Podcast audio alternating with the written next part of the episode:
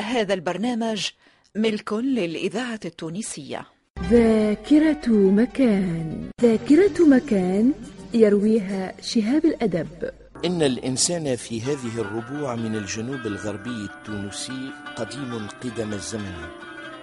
ويعد البحث في تاريخه وملايين السنين التي مرت على وجوده في نظر أهل الذكر والاختصاص من سبيل التخمين والافتراض الذي يزداد صعوبة كلما حاول المرء تأريخه. ذلك أن مليوني سنة أو أكثر ظهر فيها الإنسان وكان نادر الوجود حتى مرت مئات الآلاف من السنين عاشت فيها جماعات بشرية انقرض جلها مع العصور والدهور ولم يبقى إلا بما اصطلح عليه بالأوكيومين التي تعني العالم المسكون من الجماعات المتمدنة. ولقد تساءل الأستاذ بيتار رئيس المعهد العالمي للأنثروبولوجيا بفرنسا منذ سنة 42 و900 وألف لماذا تتجه الأعمال الأثرية فقط؟ إلى البحث عن الأدوات لعصور ما قبل التاريخ. ولماذا لا يتعدى ذلك إلى صرف الجهد للتعرف على عيش إنسان تلك الحقب وكيفية حياته؟ وبالتالي البحث عن أولئك الذين صنعوا تلك الأدوات البسيطة في حد ذاتها والعظيمة في قيمتها وأهميتها التاريخية. خاصة وأنه توجد حول قفصة باعتبارها مركزا للإنسان الأول على قطر دائري طوله حوالي 100 كيلومتر محطات ومواقع أثرية تثبت حضور الإنسان بها منذ زمن بعيد. تضرب في نواحي جبل الشعامبي وتحديدا عين شرشم إلى جلمة وعين الجازية وجبل المغيلة وجبل الميلوسي شمالا وبئر العاتر وجبل مراطة وبورطال فاخر والمتلوي وأم العرايس وتمغزة وجبل البليجي برديف غربا إلى ما تحت الشطوط جنوبا مثل عين برومبا قرب شط الفجاج إلى لالا وبئر أم علي ومزونة وبئر بو عمران والقطار إلى نواحي كتانة شرقا. كلها محطات أصبحت معروفة تعود إلى عشرات الآلاف من السنين وتحمل في ذاكرتها الشيء الكثير. فقد تم فيها العثور على العديد من آثار الإنسان الأول ووقع عرض تلك المجموعات الأثرية النادرة عام 86 وتسعمائة وألف بمناسبة مرور 28 قرنا على تأسيس قرطاج. ولم يعد خافيا على أهل العلم من الباحثين المختصين في شؤون الإنسان الغابر أن القارة الإفريقية التي ساعدها مناخها جنوبا وشمالا على تفتح إنسانها وحضارته التي كشفت عن عظمها من أقصى جنوبها إلى شمالها حيث مثلها الزنوج والبيض في العهد القفصي خاصة كما ذكر ذلك الأستاذ المنجي النيفر في محاضرة ألقاها بمناسبة الأسبوع الثقافي التونسي بالسنغال ماي سنة 1976 إننا على يقين إذا ما تضافرت جهود الباحثين أنه ستكون لنا فكرة أوضح وأشمل عن تاريخ أجدادنا الأولين. وتلاقح أفكارهم وأعمالهم وجهودهم حيث ما زال يكتنفها الغموض خاصة وأن علوم الجيولوجيا والحفريات ووصف الإنسان وآثاره أصبحت كلها تتسم بطابع دولي حيث لا يوجد بلد واحد في العالم يستطيع وحده الكشف في أرضه عن آثار سحيقة تعود إلى مئات الآلاف من السنين تتيح لنا إيجاد حل مقنع لبقايا العصور الخالية والأزمان الغابرة التي هي ملك للإنسانية كلها. ومهما كان أمر المستقبل فإن ما تم العثور عليه في الماضي القريب من صناعات حجرية للإنسان القديم بقفصة يؤكد تواجده في هذه الربوع منذ عهد بعيد مما جعله يساهم في صناعات الإنسان الأول في العصر الحجري القديم. فماذا يحمل الجنوب الغربي في ذاكرته من هذا العصر؟ العصر الحجري الجديد. هذا العصر استكملت فيه الطبيعة في مستوى مظاهرها إثر انحباس الجليد. في حين بدأ الإنسان يستكمل خصائصه شكلا وسلوكا وانتقل من وحشية العصر الحجري القديم إلى همجية العصر الحجري الحديث. جاء دور الهولوسين الجيولوجي الذي يتواصل إلى اليوم. وعد ذلك الانقلاب الأول في حياة الإنسان والطبيعة حيث لا يزال مستمرا إلى الآن وإلى يوم الميعاد. لقد اعتقد الإنسان خطأ أنه. انتقل من العصر الحجري القديم وأطواره الثلاثة التي تم ذكرها في حلقات سابقة إلى العصر الحجري الحديث لأنه كان شريكا في تغيير أحوال الطبيعة. في حين تم ذلك نتيجة انتهاء دور البليستوسين بنهاية العصر الجليدي الأخير. لما ذابت الثلوج في المناطق الشمالية حول السهول والمستنقعات التي تحولت إلى مناطق غابية معتدلة المناخ وتبدلت المروج الممتدة جنوب البحر الأبيض المتوسط في إفريقيا وآسيا إلى صحاري تتوسطها بعض المراعي في قليل من الأحيان. وكان على الإنسان أن ينزل إلى السهول والمراعي يتتبع قطعان الحيوان فيألفها ويربيها وفي الوقت الذي كانت فيه المرأة تساعد الرجل على جمع بذور الحشائش البرية للأكل كان هو يواصل صيده بحذر ومهارة بعد أن هربت تلك الحيوانات الضارية إلى بعيد بعد أن أزعجته وعكرت صفو حياته زمنا طويلا. ومن هنا يبدأ الفارق بين عهدين العهد الحجري القديم والعهد الحجري الجديد.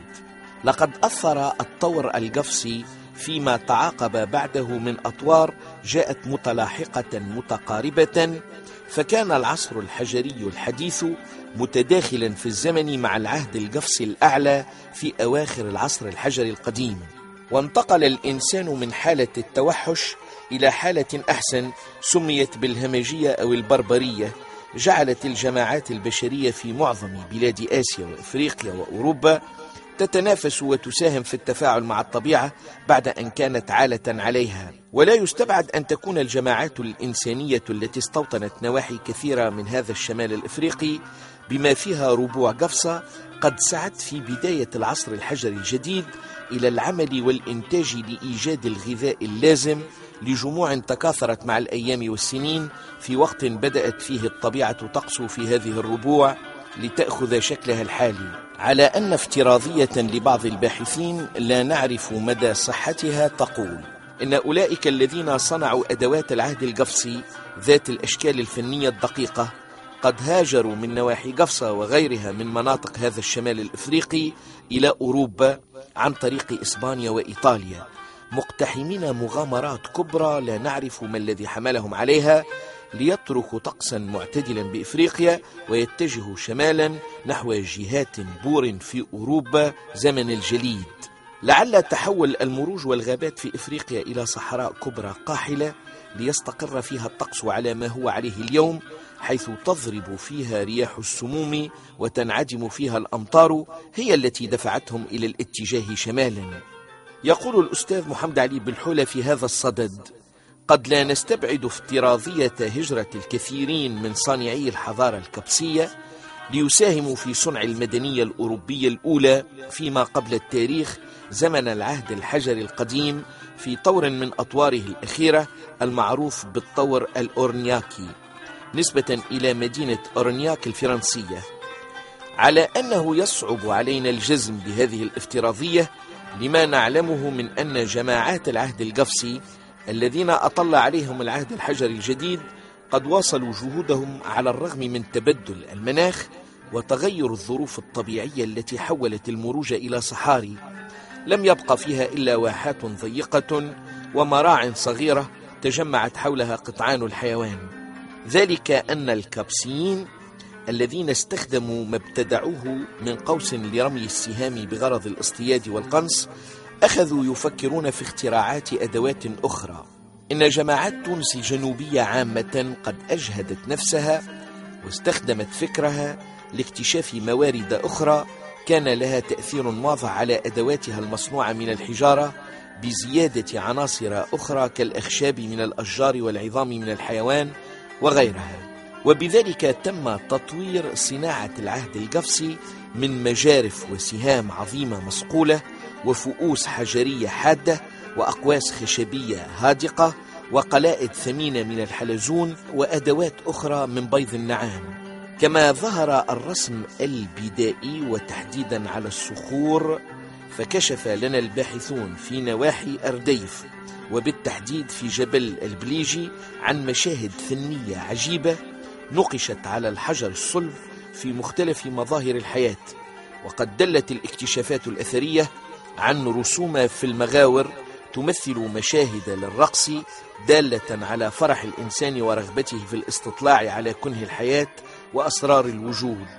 إن الجنس القفصي يشكل أساس سكان البلاد. بالإضافة إلى جنس مشتى العربي صانع الأدوات الإبروموريزية وجماعات قليلة وافدة من الصحراء وجزر البحر الأبيض المتوسط في العهد النيوليتي القادم. كما أن التشابه القائم في الفن القفصي وما وجد في الوشام والنسيج الصوفي والأواني الطينية فيما بعد يؤكد بقاء الجنس القفصي ودوامه وترك بصماته في جميع أنماط الحياة بالبلاد. ولقد تم العثور على العديد من الرسوم البدائية على الصخور من مثل ما وجد مرسوما في مغارة بجبل بليجي بمنطقة رديف كما ذكرنا حيث كان إنسان ما قبل التاريخ يلهو راقصا طروبا. وفي نفس المغارة من نفس الجبل رسم آخر يمثل شخصا يشدو بالناي في حين يرقص أصحابه الثلاثة على النغمات فرحين بطلوع شمس يوم جديد. وفي قفصة الشمالية مغارة قديمة جدا تعرف بفم المعزة بجبل بن يونس كان علماء الآثار يترددون عليها للتنقيب على آثار الأول في العهود الغابرة. ولطالما زارها الكثيرون في الثلاثينات من أمثال ظفري وريغاس اللذين بحثا طويلا في تلك المواضع القديمة بعد أن ترددا كثيرا على محطات قفصة في الزمن البعيد. إن تلك المغارة وغيرها من المغاور والكهوف الضاربة في القدم والتي اندثر منها الكثير في نواحي قفصة كانت شاهدة على عناء الإنسان وجهده الكبير والعسير عبر الآلاف من السنين ليصل إلى بداية الطريق ويجهد فكره وساعديه للانطلاق في ركب التقدم والخروج من حياة الوحشية إلى التأنس مرحلة بعد أخرى. كما أن الغار المعروف باسم غار الجلابة نسبة إلى جلبة الأغنام أين يبيت سعاة الغنم لزمن غير بعيد مع مواشيهم قد عرف كذلك رسوم إنسان العهد الحجري القديم. وموقع هذا الرسم بالمستشفى الجهوي بقفصة. وفي ذلك المكان تحديدا. ومثلما كان الرسم في مشاهد تصويرية كرسم الحيوان والإنسان الراقص كذلك كان عندهم غير ذلك من الفنون والمظاهر الجمالية والروحية نجدها عند جماعات العصر الحجري القديم. وقد كان إنسان قفصة يلبس الأصداف المثقوبة التي كانت تشكل عقودا للزينة وتستعمل كتعاويذ تجلب الخصوبة والتكاثر وتبعد الشر والأذى وتقي من عين السوء الحاسدة.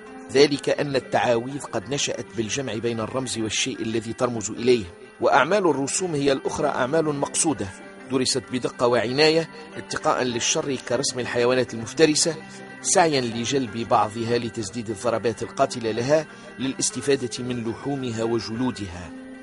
وكانت تلك الفنون بذور الديانة التي حببت للإنسان التضحية وتقديس الروح إرضاء لها ودفعا لشرورها. وبعد أن ظهر لهم عدم الفائدة من تلك الأعمال الباطلة هجرها الإنسان بعد أن أمل منها الكثير وراح يبحث عن عناصر أخرى جديدة تقيه الشرور والآلام.